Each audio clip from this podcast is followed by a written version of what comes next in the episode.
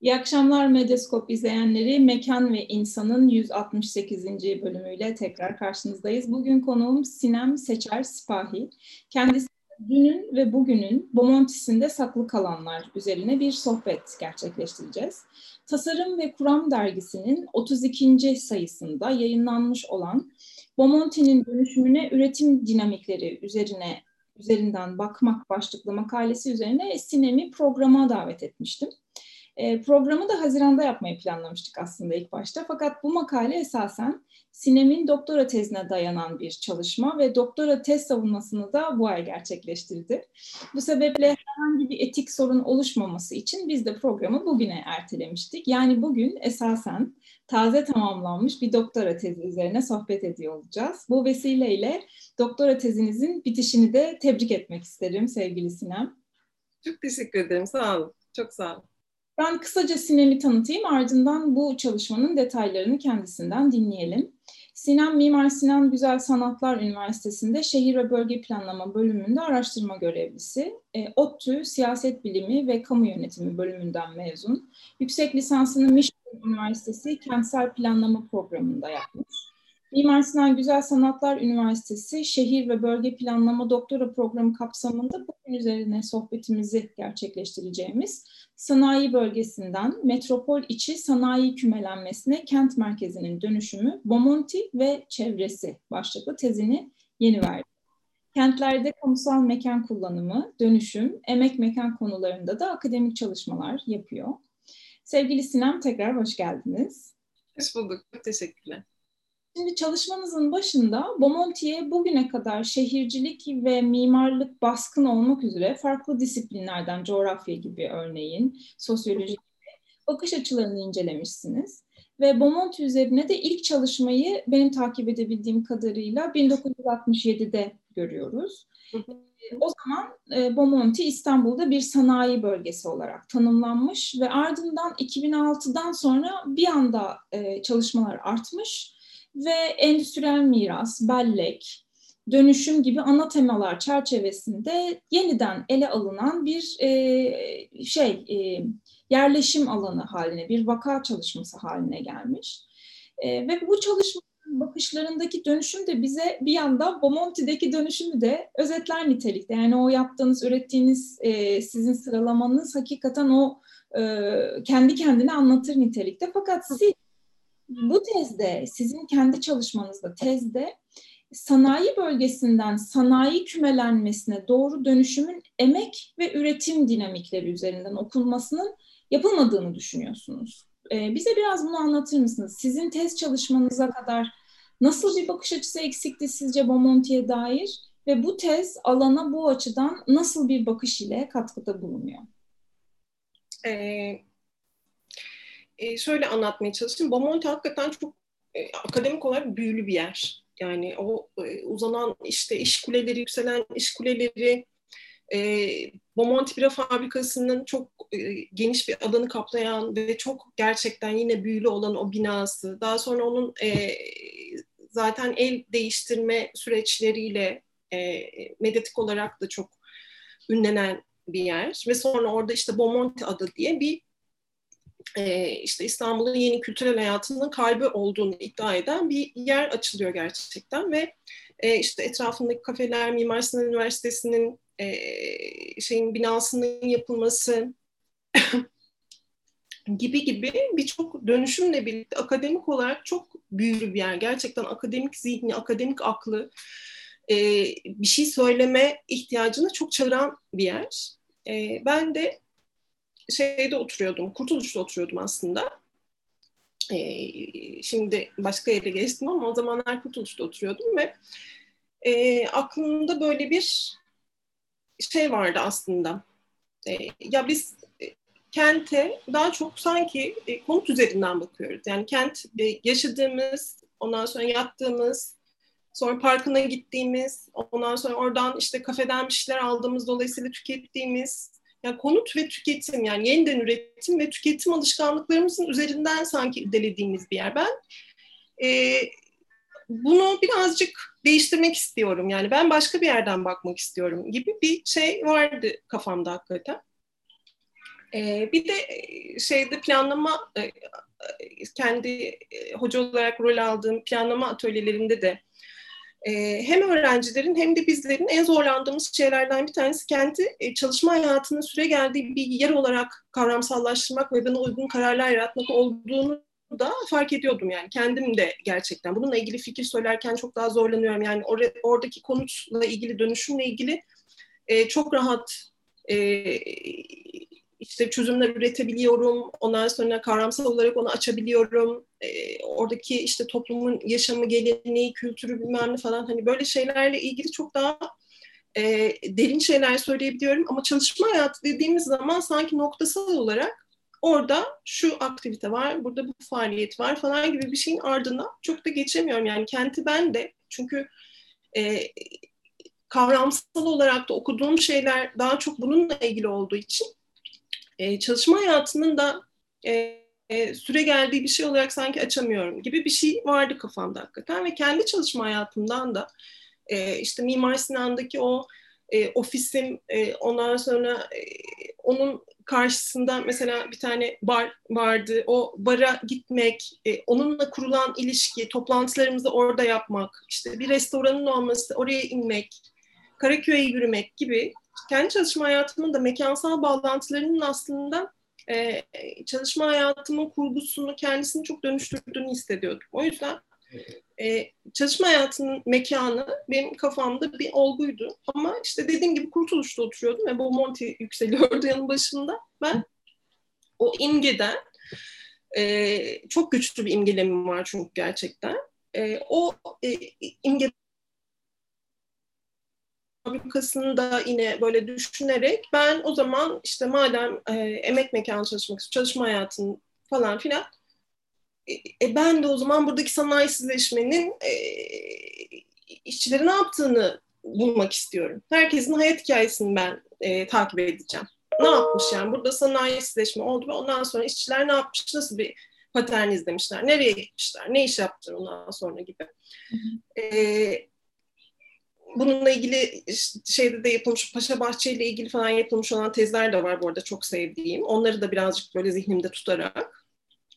Ve sonra ben e, Bomonti'nin e, böyle eski kahvelerinde, Bomonti'nin ve Feriköy'ün hemen güneyinde bulunan Feriköy'ün kahvelerinde dolaşmaya başladım ve resmen bir yaşlı insan avına çıktım. Yani böyle bir e, ben siz e, Bomonti ve farklı çalışmış olan tanıdığınız var mı? E, sonra bu arada geçmişiyle ilgili de bir şeyler e, yani Nestle'nin de orada olduğu işte çikolata fabrikalarının da orada olduğu e, çünkü burada orada çalışmış olan tanıdığımız var falan gibi şeylerden bu Montebira fabrikası güdümlü olan tarihin de aslında bir e, yeniden çalışılması gerektiğiyle ilgili bir takım nüveler de yine kafama gelmeye başladı. Böyle çok uzun anlatıyorum kusura bakmayın.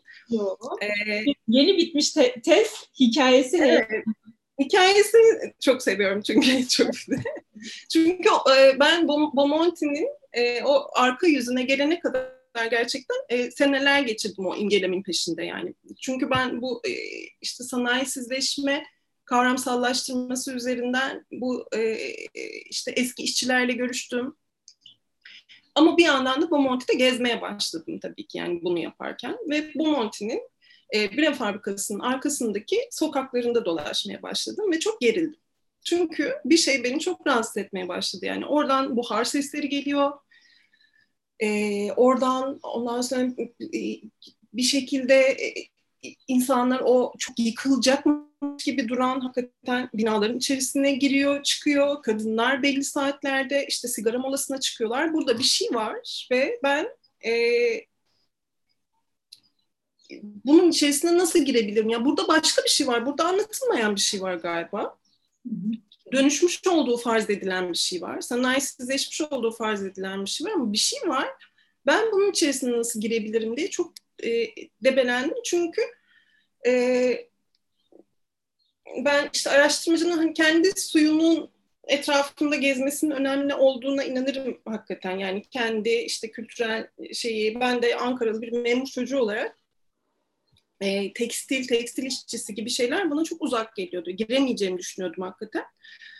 E, ama bir yandan da aşırı çekici geliyor. O sokaklara giriyorum devamlı ve çok da tekinsiz hissediyorum. E, tam olarak oradan çıktı aslında. Ben ama daha sonra o o, te, o tekinsiz bulduğum sokaklara girmemek için bu sefer de Bomonti ama çalışma mekanı. Yani burada bak işte ofis kuleleri yükselmiş. E tamam bunda, burada da insanlar çalışıyor hala yani sanayileşmiş olabilir. Ben o zaman bunun üzerine gideyim gibi bir şey yaptım. Ama bu sefer de buradaki yeni ekonomi olarak kavramsallaştırdı e, farklı e, çalışanlarla görüşmeye başladım. İşte bir STK çalışanıyla yani burada çalışan onun mekansal bağlamını e, anlamaya çalıştım. Ama gide gele gide gele artık o sokakların e, beni çağırdığını ve hakikaten e, bu Bomonti imgesinin bu bu kadar güçlü ve e, işte o zihnimizi çağıran Bomonti imgesinin arkasında saklı kalan bir şey olduğunu e, anlamış oldum. Ee, ve sonra onun üzerine gittim. Yani orada çalışanlarla ve sonra da zaten onun da orada kalmadığını, yani Bomonti'nin arka sokaklarının da aslında Bomonti'de kalmadığını, çok daha farklı bir e, ekonomik açılım ve analiz çağırdığını anladım ve oradan da e, geçmişe doğru bir daha baktım. Onu da belki son sorularınızda açarız. Hı hı. Ama buradan çıktı diyebilirim yani. O sokaklar beni çağırdı hakikaten ve e, Bomonti çalışmalarına baktığım zaman hep e, e, sosyomekansal ayrışma, o dramatik dönüşüm üzerinden ve buradaki sanayinin bittiği üzerinden bir şey vardı. Ama o sokaklar bana burada bir şeylerin devam ettiğini söylüyordu. Dolayısıyla Bomonti çalışmalarına baktığımız zaman sanayi e, geçmişin açıklayıcı unsuru olarak kullanılıyor. Sanayi dinamikleri, üretim dinamikleri. Bugün ise konut dinamikleri üzerinden açıklanıyor. Benim o bira fabrikası imgesinin arkasında gördüğüm şey ise hala devam eden üretim ilişkileriyle açıklayabileceğimiz bir e, canlı e, yuvanın olduğu, bunun ne anlamı Bu neden hala var burada aslında? E, doğru bir soru olabilir gibi geldi ve e, buradan yola çıktım diyebilirim tez için. Aslında ben tezin o tarihsel palimpsest okumasından evvela başka bir soru daha sormak istiyorum. Siz bu çalışmanın zaten tezinizin başlığında da öyle geçiyor. Bomonti'yi Bomonti olarak değil, üretim dinamikleri üzerinden ele alınca tabii çevresiyle, dolayısıyla o üretim ilişkilerinin kurulduğu e, an, e, çevresiyle, habitatıyla ele almışsınız ve Osman Bey ve Osman Bey'deki giyim sektörü dolayısıyla sizin değerlendirmeniz açısından önemli bir e, analiz unsuru, bir parametresi olmuş.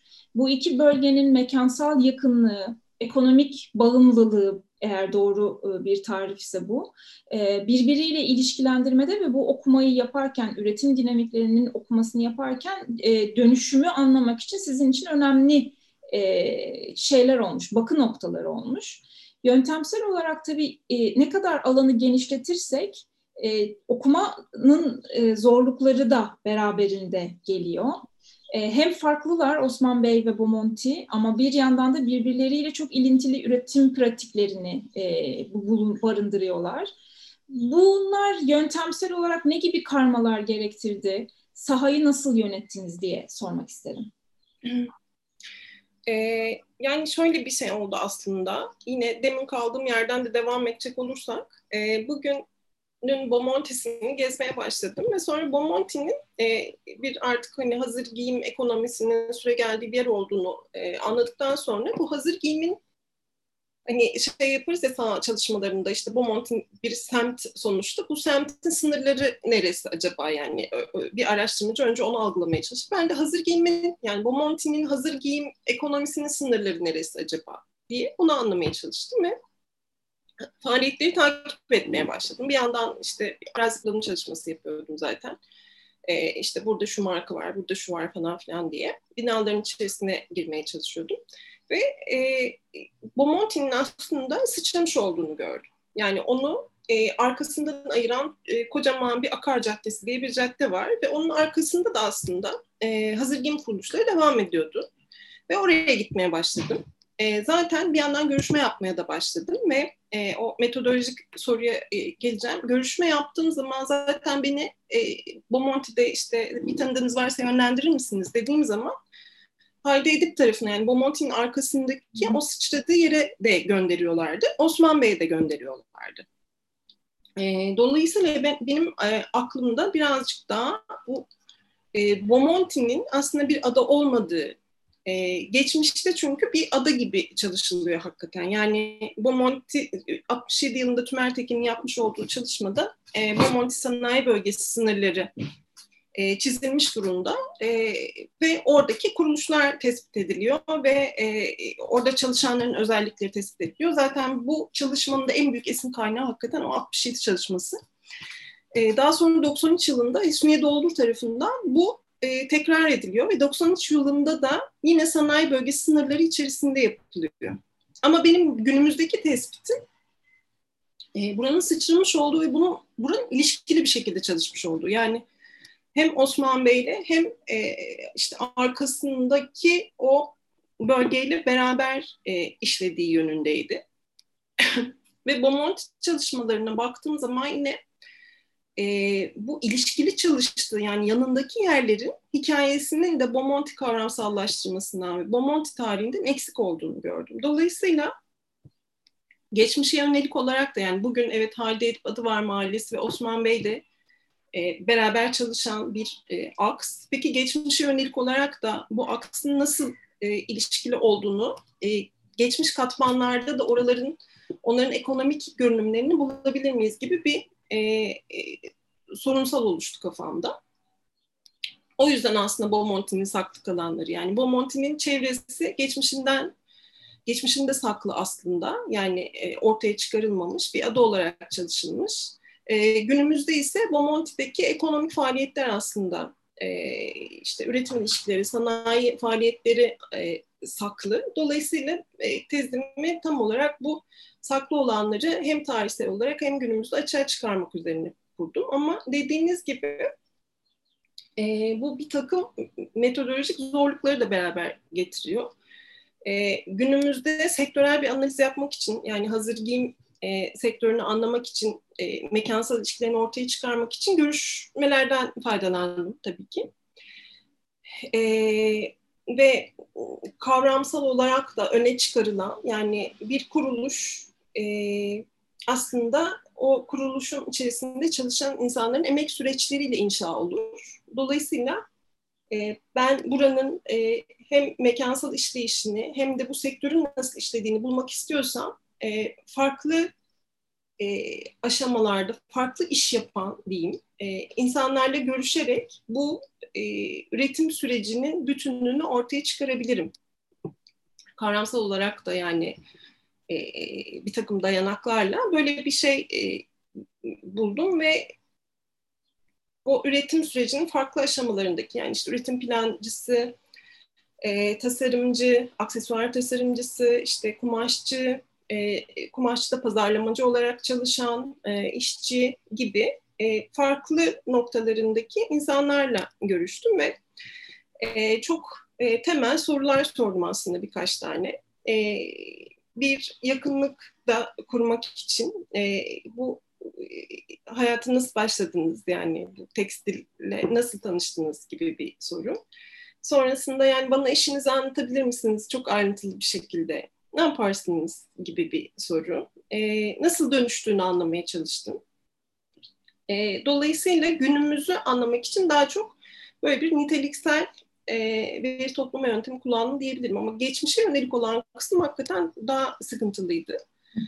E, bir kere burası Beaumont Bira Fabrikası üzerinden e, çalışılmış bir yer ve Beaumont Bira Fabrikası bir devlet fabrikası olarak, tekel işletmesi olarak hakikaten e, işte e, işçinin greviyle, ondan sonra kuruluşun büyüklüğüyle üzerine çok söz söylenmiş olan bir yerim. Diğer kuruluşlar o kadar büyük kuruluşlar değil. Dolayısıyla büyük olmayan orta ve küçük ölçekli kuruluşların ve orada çalışanların hikayesini ortaya çıkarmak çok zor.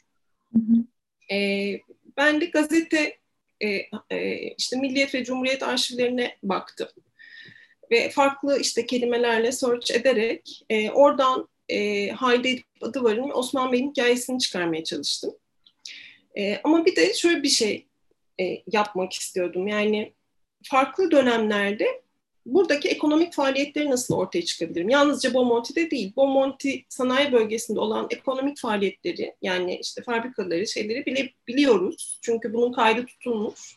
Ama onun etrafında benim de dahil etmeye çalıştığım Halide adı vardı ve Osman Bey de e, ne tür faaliyetler var? Yani ne tür ekonomik faaliyetler var? Çünkü artık biliyorum burası bir ada gibi değil. E, çevresiyle ilişkileniyor. Peki o çevresinde neler var? Yani bunu anlamak hakikaten çok zor. E, işte sanayi odasına gittim, işte ticaret odasına gittim ama onlarda e, bu şeyin e, kaydı alınmıyor. Yani e, bana işte atıyorum 1993 yılında Şişli'deki e, kuruluşların listesini ver dediğiniz zaman böyle bir şey mümkün değil. Dolayısıyla ben de daha e, farklı ve yaratıcı yöntemler aramaya başladım. Ve karşıma e, SALT'ta bir gün e, çalışırken SALT araştırmada Karaköy'de e, telefon defterlerini gördüm bir anda. Sonra telefon defterlerine işte adresler de var, kuruluşların adresleri. E, sonra böyle bir aklımda bir ampul yandı yani gerçekten. Ben o zaman farklı telefon defterlerinden e, veri çekerek benim e, çalışma alanımı oluşturan yani Bomonti, Osman Bey ve Haydi adı vardı ki bütün sokakları aslında burada tarayarak bir kendim database oluşturabilirim ve bu bana oranın e, ekonomik görünümünü verebilir diye düşündüm. Ve farklı tarihlerde bulabildiğim e, işte telefon ve adres defterlerini toplamaya başladım. Ve onlardan o e, sokakları çekerek kendim bir database oluşturdum. Bu da şu işe yaramış oldu aslında. Bir, e, 50 öncesi dönemde hakikaten çevresinde ne olduğunu bilmiyorduk. E, onu görmüş olduk ve e, 50 öncesi dönemde bir işte sanayi bölgesinden bahsedemeyeceğimizi, e, daha çok Feriköy ve Osman Bey civarında aslında kuruluşların e, toplaşmış olduğunu görüyoruz. E, bu şu yüzden önemli. Sonra bir de 1987 İstanbul Meslekler e, Telefon Defteri diye bir, bir şey buldum onda nadir kitapta.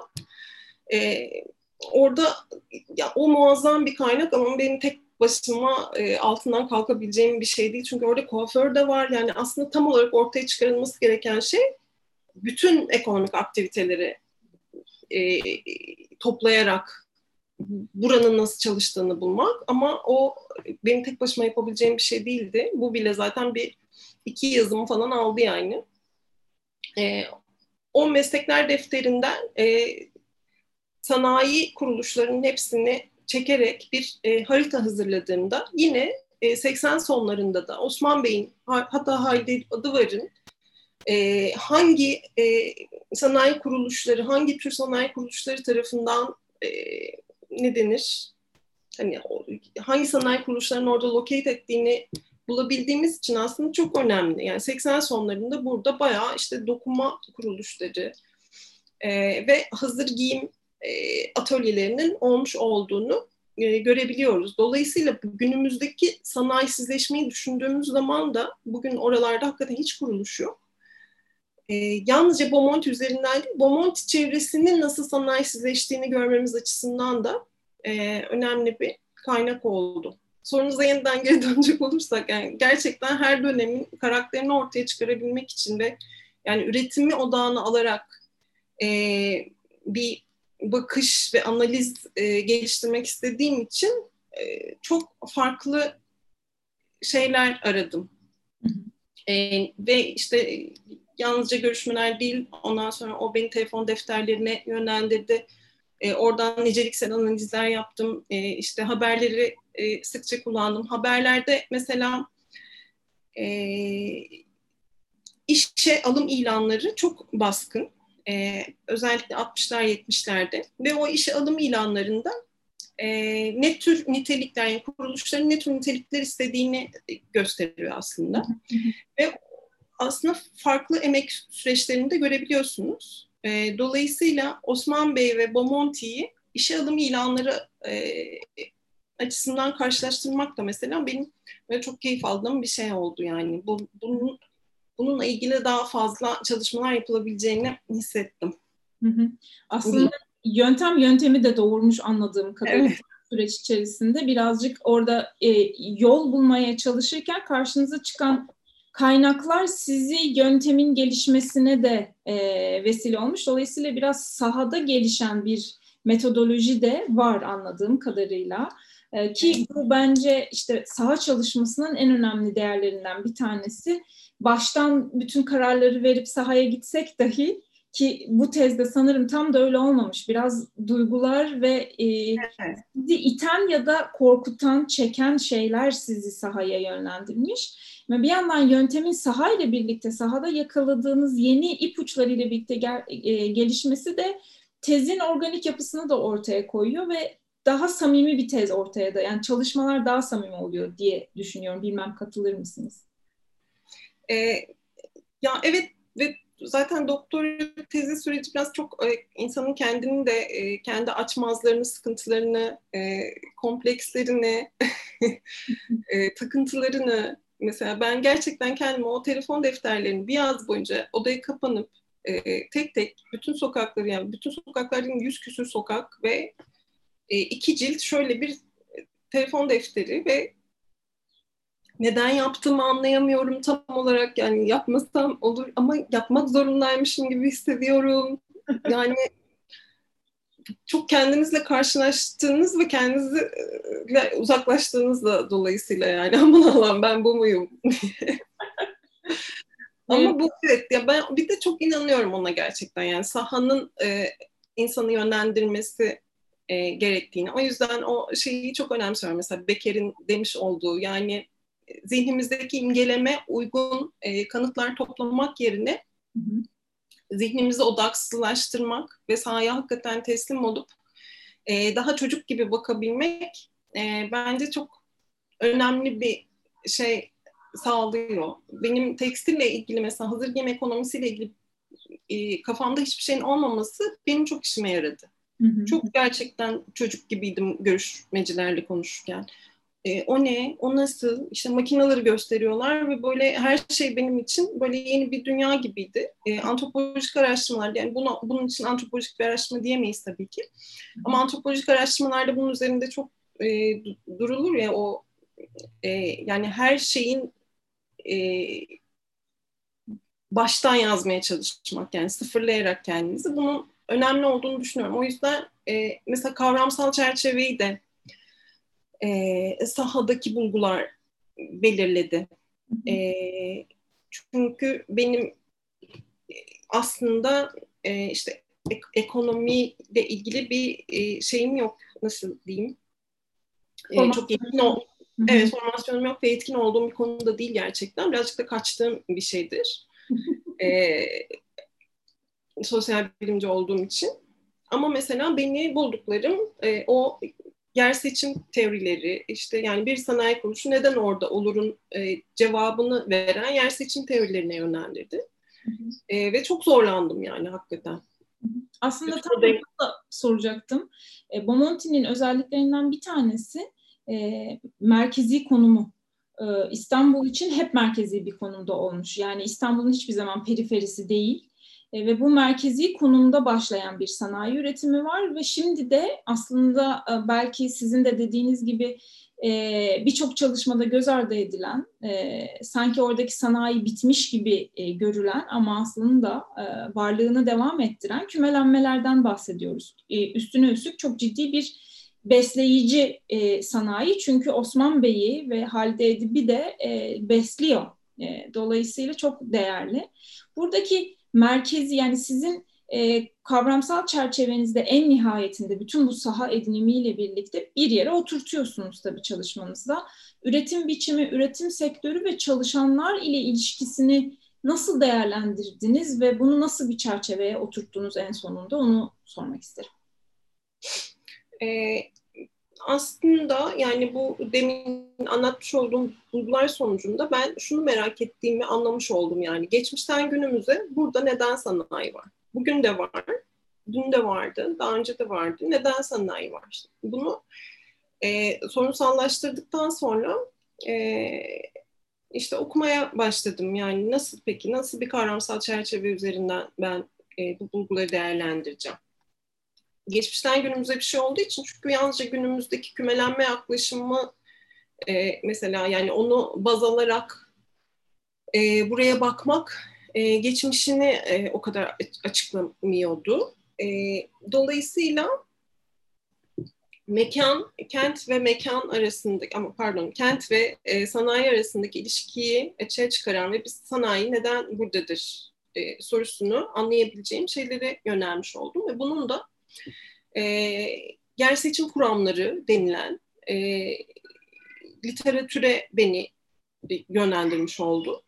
Bu böyle çok niceliksel bir literatür hakikaten ve daha çok 80'lere kadar e, aslında e, hakim olmuş olan bir, bir literatür. Ama bu yer seçim kuramlarında şöyle bir şey var. Yani bu sanayinin işte ulaşımla olan ilişkisini e, işte arazi özellikleriyle arazinin işte coğrafi özellikleri olan ilişkisini hakikaten anlamamızı sağlayan bir açılım sağlasa da ben burada Osman Bey'de görüşmeler yaptıktan sonra e, yine imgelemimi çok e, boşa çıkartacak olan nitelikli işçiyle karşılaştım. Yani alım gücü olan, e, son derece pazarlık gücü olan, e, bu işte pandemi dolayısıyla ve önceki krizler yüzünden her ne kadar pazarlık gücü çok e, zarar görse de yine de yani e, işte Suriyeli de olsa mesela göçmen e, emeğiyle tabii ki ilerleyen e, kazanan bir sektör. E, ama buraya gelen, burada çalışan Suriyeliler de mesela e, zaten memleketlerinde tekstil işçisi olan, dolayısıyla deneyimli ve becerili olan işçiler. Dolayısıyla e, nitelikli emek gücünün burada ne kadar önemli olduğunu, daha sonrasında da ürünün aslında burada üretilen ürünün daha farklı olduğunu görmüş oldum. Burada embellish denilen süslü aksesuarın çok önemli olduğu, dolayısıyla aksesuarcının yani bu üretime girdi sağlayan, tedarik eden aksesuarcının çok önemli olduğunu, e, aksesuar üretiminde evinde aksesuar üreten kadınların çok önemli olduğunu. Dolayısıyla burada hakikaten e, işçinin başat önemli bir olgu olarak karşıma çıktığını gördüm. Ve yer seçim kuramları burada çok yetersiz kalıyor. Çünkü yer seçim kuramlarında o denklem içerisinde bir faktör yalnızca işçi. Hı hı. Onun e, işte becerisi de bir sayıya çevrilmeye çalışılıyor e, falan filan. Her şey bir denklem içerisinde yani e, e, anlam kazanıyor. Dolayısıyla bu benim için e, yeterli bir bakış açısı değildi. O yüzden ben de daha post yapısalcı e, yani yer seçim kuramı e, diyebileceğimiz şeyleri e, okumaya başladım ve e, hakikaten çok e, aklımı zihnimi açan işte emek coğrafyası yaklaşımı yani emek gücünün e, kendisinin e, kapitalist bir aktör olarak aslında oranın inşasını gerçekleştiren dolayısıyla pasif değil gayet e, aktif e, aktörler ele alınmasını söyleyen emek coğrafyası yaklaşımı. Zaten emek coğrafyası yaklaşımı e, okuduktan sonra Halide Edip'i katmam gerektiğini. Çünkü Halide Edip tarihsel olarak da burada çalışan emek gücünün yaşadığı yer. E, dolayısıyla e, yani bu tür daha post yapısalcı ve buradaki emek gücünü e, daha iyi açıklayan, emek gücü dolayısıyla çünkü aslında tarihsel olarak baktığımız nitelikli e, emeğe bağımlı olan e, faaliyetler burada kalıyor. Geçmişten günümüze baktığımızda aslında bunu görüyoruz. Kendi emek gücünden kurtarabilen sanayi faaliyetleri işte kimya mesela aslında geçmişinde çok büyük bir kimya e, sektörü ilaç sanayinin yığıldığı bir yer. Hı hı. E, ama o e, ben işte burada metropol içi sanayi e, örgütlenmesi yaklaşımı e, e, denilen post yapısalcı bir şeyi daha çok kullandım açılımı e, kimya sanayi gibi, işte ilaç sanayi gibi, plastik sanayi gibi e, kendini e, emek gücünün becerisinden kurtar, kurtarabilen, e, tırnak içerisinde kurtarabilen kuruluşlar buradan e, uzaklaşabiliyorlar. Ama buradaki emek gücüne ve burada kurulan ilişkilere bağımlı olan e, çok daha risk dolu, e, standart ürün üretmeyen, yani e, işte beyaz bir tişört değil de şurasında aksesuarı olan e, bir şey e, üreten e, kuruluşlar buraya bağımlı hale geliyorlar aslında ve kendilerini buradan kurtaramıyorlar. Kurtarabilen bir de şöyle bir şey ortaya çıkıyor. Yani sanayisizleşme kuramı o yüzden aslında burayı e, açıklamıyor. E, burada mesela İpek Yol var. E, ve böyle burada işte sanayisleşme üzerinden buraya bakan araştırmacılar işte İpek Yol'un artık Edirne'de fabrikası olduğunu, e, dolayısıyla e, üretimin buradan çekildiğini söylüyorlar. Ama işte burada e, Metropol Sanayi Örgütlenmesi Kuramı şunu açıklamış oluyor. Standart ürünleri için e, İpek Yol hakikaten Edirne'deki fabrikasını kullanıyor. Yani beyaz tişört, e, işte siyah body üretmek istediği zaman oradaki daha niteliksizlemek gücüyle yapabileceği e, fabrikada çok daha fazla e, işte bench ne, ne denir, miktarda ürün e, üretebiliyor.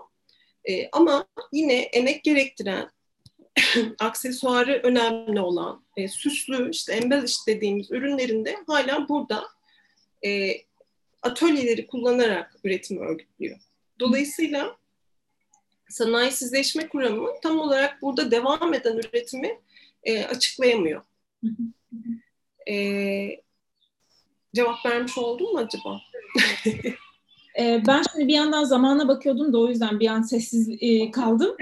Şimdi e, aslında benim sormak istediğim çok daha fazla soru var. Hem çalışma çok keyifli hem de dediğiniz gibi Bomonti akademik olarak e, benim mekan ve insanda da farklı temalarda ki çalışmaları daha önce ağırladığım bir mekan. Yani hakikaten son senelerde de Bomonti farklı temalar üzerinden irdelenmeye çok müsait dediğiniz gibi bir akademik cennet, e, akademik araştırma cenneti belki de. Her ne kadar arşivlerle ilgili sıkıntılar e, olsa da bir yandan işte e, araştırmacının sahada e, kendini e, bulmasını sağlayabilecek pek çok, pek çok yönlendirmeye de sahip olan bir alan. Dolayısıyla ben son bir soruyla e, böyle bir genel toparlama yapmanızı rica edeceğim. E, aslında kafamdaki önemli iki soruyu birleştirerek sormak isteyeceğim. Sizden de 3-4 e, dakika içerisinde toparlayarak cevap vermenizi rica edeceğim. Şimdi tabii sizin bu çalışmanızdaki en önemli bulgu Bomonti ve çevresinin dönüşümünü bu bir palimpsest gibi tarihsel katmanlar halinde okuma yapıyorsunuz. Belki bize basit ipuçları verebilirsiniz. Yani şu dönemlerde şöyle dönüşümler olmuş diye ama ben bu tezin e, en önemli katkısının Bomonti'nin görünmeyenlerini, başlığımızda da bugünkü programın başlığında da yazdığımız, e, belirttiğimiz gibi e, görünmeyenlerini ve araştırmalarda da pek değinilmeyenlerini değerlendirmeye almanız olarak görüyorum. Örneğin işte o e, bu mekanda e, var olan e, bu aksesuar, evde aksesuar yapan kadın, görünmez kadınları örneğin e, ya da e, kumaşçının tasarımdaki rolü ya da makine işçisi gibi e, kişileri. E, sizde sizce e, en önemli görünmeyen aktör, grubu ve bu çalışma ile gün ışığını çıkartma fırsatı bulduğunuz ilişkiler kümesi kime ya da neye aitti diye sorarak iki soruyu size bırakayım. Buyurun. Ee, bu aslında araştırmanın kısıtından da bahsetmiş oluyoruz bunca. Hakikaten en görünmeyeni ve en e, sektör kötüye gittiği zaman e, alım gücünü düşüren ve onun üzerine yani bir denetimle aslında e, sıkılarak şey yapılan evde yapan, evde aksesuar yapan kadınlar. E, ama ben e, pandemi oldu ve e, onlarla görüşememiş oldum. Bence e, araştırmanın en büyük kısıtlarından bir tanesi hakikaten buydu. E, evde aksesuar yapan kadınlarla görüşememek. Çünkü onlar bu e, halkanın en görünmez ve en ucundaki halkayı oluşturuyorlar. E,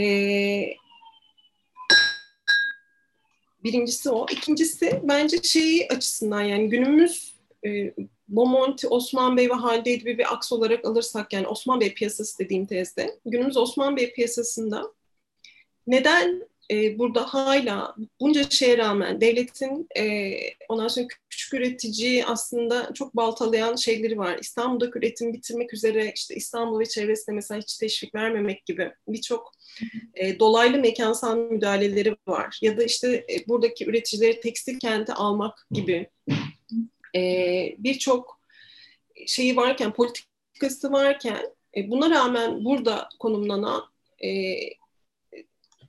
bu üreticilerin neden burada olduğunu ortaya çıkarması açısından bence önemli. Yani bir buraya yani Halide Edip ve Osman Bey ile birlikte bakarak e, burada hala üretimin var olduğunu e, ve bu üretim bakın böyle çalışıyor e, dediği için önemli. Orada da sizin demin dediğiniz gibi yani e, biz işte daha geleneksel çalışmalarda e, işte atölye üretimi, ondan sonra firma, e, yani tasarımcılar, ondan sonra ve onun yanında ona işte kumaş sağlayan tedarikçiler ya da aksesuar sağlayan tedarikçiler gibi düşünürüz. Ama bunların hepsi aslında birbirleriyle e, konuşma içerisinde, devamlı muhabbette, tasarıma beraber karar vererek, dolayısıyla sektörle ilgili bilgiyi birbirlerine taşıyarak e, iş yapıyorlar.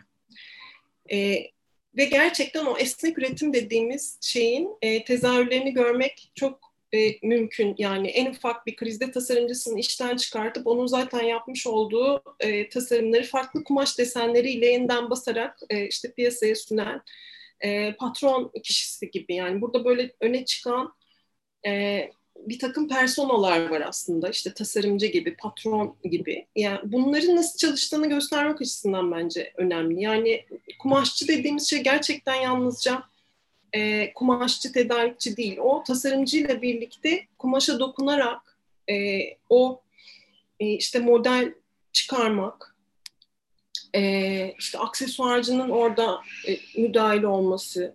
Dolayısıyla bunların devamlı muhabbetin ve e, hareketin e, olduğu, yani ben hiçbir görüşmeyi mesela tek bir insanla yapamadım yani. Çünkü e, telefonlar o geliyor, o geliyor ve herkes gerçekten devamlı konuşuyor ve o kadar önemli bir şey ki aslında benim e, görüşmelerden ziyade mesela o muhabbetler ve o hareketi görmek e, çok e, beslemiş oldu aslında. Çünkü en önemli şey burada neden var diye sormuş olduğumuz zaman e, işte bu yakın konumlanma dolayısıyla sektörle ilgili her şeyin dolaşıyor olması. Ve dolayısıyla e, işte atölyeci de, e, tasarımcı da, firma sahibi de sokağa baktığı zaman e, başkalarının eylemlerinden sektörle ilgili çok şey öğreniyor ve bir kümelenmenin e, devam etmesindeki en önemli şey aslında e, öğrenmek. Ama bu yani literatürdeki gibi işte inovasyon falan gibi şeyler çok e, kullanılır.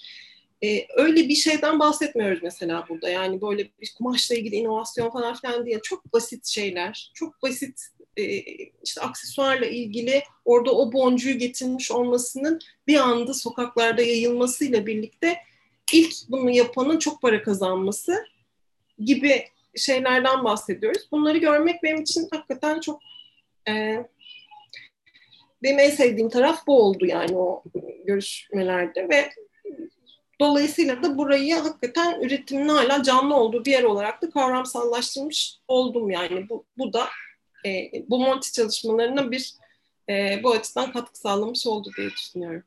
Hı-hı. Çok teşekkür ederim sorularınız için. Ben çok teşekkür ederim e, bu değerli tez için, bu değerli e, bakış açısıyla alana yaptığınız katkı için ve bugün bu çalışmayı bizimle paylaştığınız için. Merak edenler ve ilgilenenler programın açılışında da bahsettiğim üzere Tasarım ve Kuram dergisinden Sinem'in makalesini indirebilir. E, herhalde henüz daha YÖK e, tez merkezine yüklenmemiştir ama herhalde birkaç ay içerisinde yüklenmiş olacaktır diye düşünüyorum. E, tezi de oradan daha sonra indirmek mümkün olabilir eminim ki. E, ben programı kapatmadan evvel e, yeni bir alışkanlık olduğu üzere bu hafta İdeal Kent yayınlarından çıkanlar arasında İlhan Tekeli ve Tarık Okyay'ın Dolmuş'un Öyküsü kitabını kısaca sizlere tanıtmak istedim. Kitap şöyle elimde görüyorsunuz. E, aslında bu kitabın ikinci yayını. İlk yayını İlhan Tekeli'nin bu yayının ön sözünde de bahsettiği üzere yayıncı bulmakta oldukça zorlanmış. Hatta kitabın ikinci yazarı Tarık Okyay ne yazık ki kitabının basıldığını görememiş. Çok derin bir araştırmaya dayanan kitap. Ee, gelecek hafta da aslında tanıtmaya çalışacağım. E, ve yine İlhan Tekeli, Yiğit Gülöksüz ve Tarık Okyay'ın kaleme aldıkları Dolmuşlu, Gece Kondulu İşportalı Şehir çalışmasının da bir devamı niteliğini taşıyor. Kent araştırmaları ve yazınında yeterince yer bulamamış olan, kitabın ilk basım tarihi olan 1980'den bu yana pek çok değişiklik de olmamış aslında. Bu konuda yapılan çalışmalar bir elin parmaklarını geçmeyecek sayıda. Hatta benim de İstanbul'da minibüsler ve güvenlik algısı üzerine Planlama Dergisi'nin 30. sayısında kaleme aldığım bir çalışmam vardı. Ve bu yapıt o çalışma için de en önemli kaynağım olmuş. Halen de öyleydi. Ee, İlhan Hoca'nın da söylediği üzere bu konunun yeterince ve hatta neredeyse hiç çalışılmamış olması başlı başına önemli bir bulgu. Ee, yani acaba bu bir sorun olarak gözükmüyor mu? O yüzden mi ele alınmıyor diye soruyor İlhan Hoca da kitabında. 1980'den e, bu yana kent içi ulaşımda kentleşme hızımız ve oranlarımızda çok ciddi değişiklikler oldu. Fakat minibüs ve dolmuş bugün hala karayolu toplu taşımacılığının çok önemli bir payını alıyor. Süreç içerisinde dolmuştan minibüse doğru yol alırken kullanıcılar tarafından statü kaybına uğramış.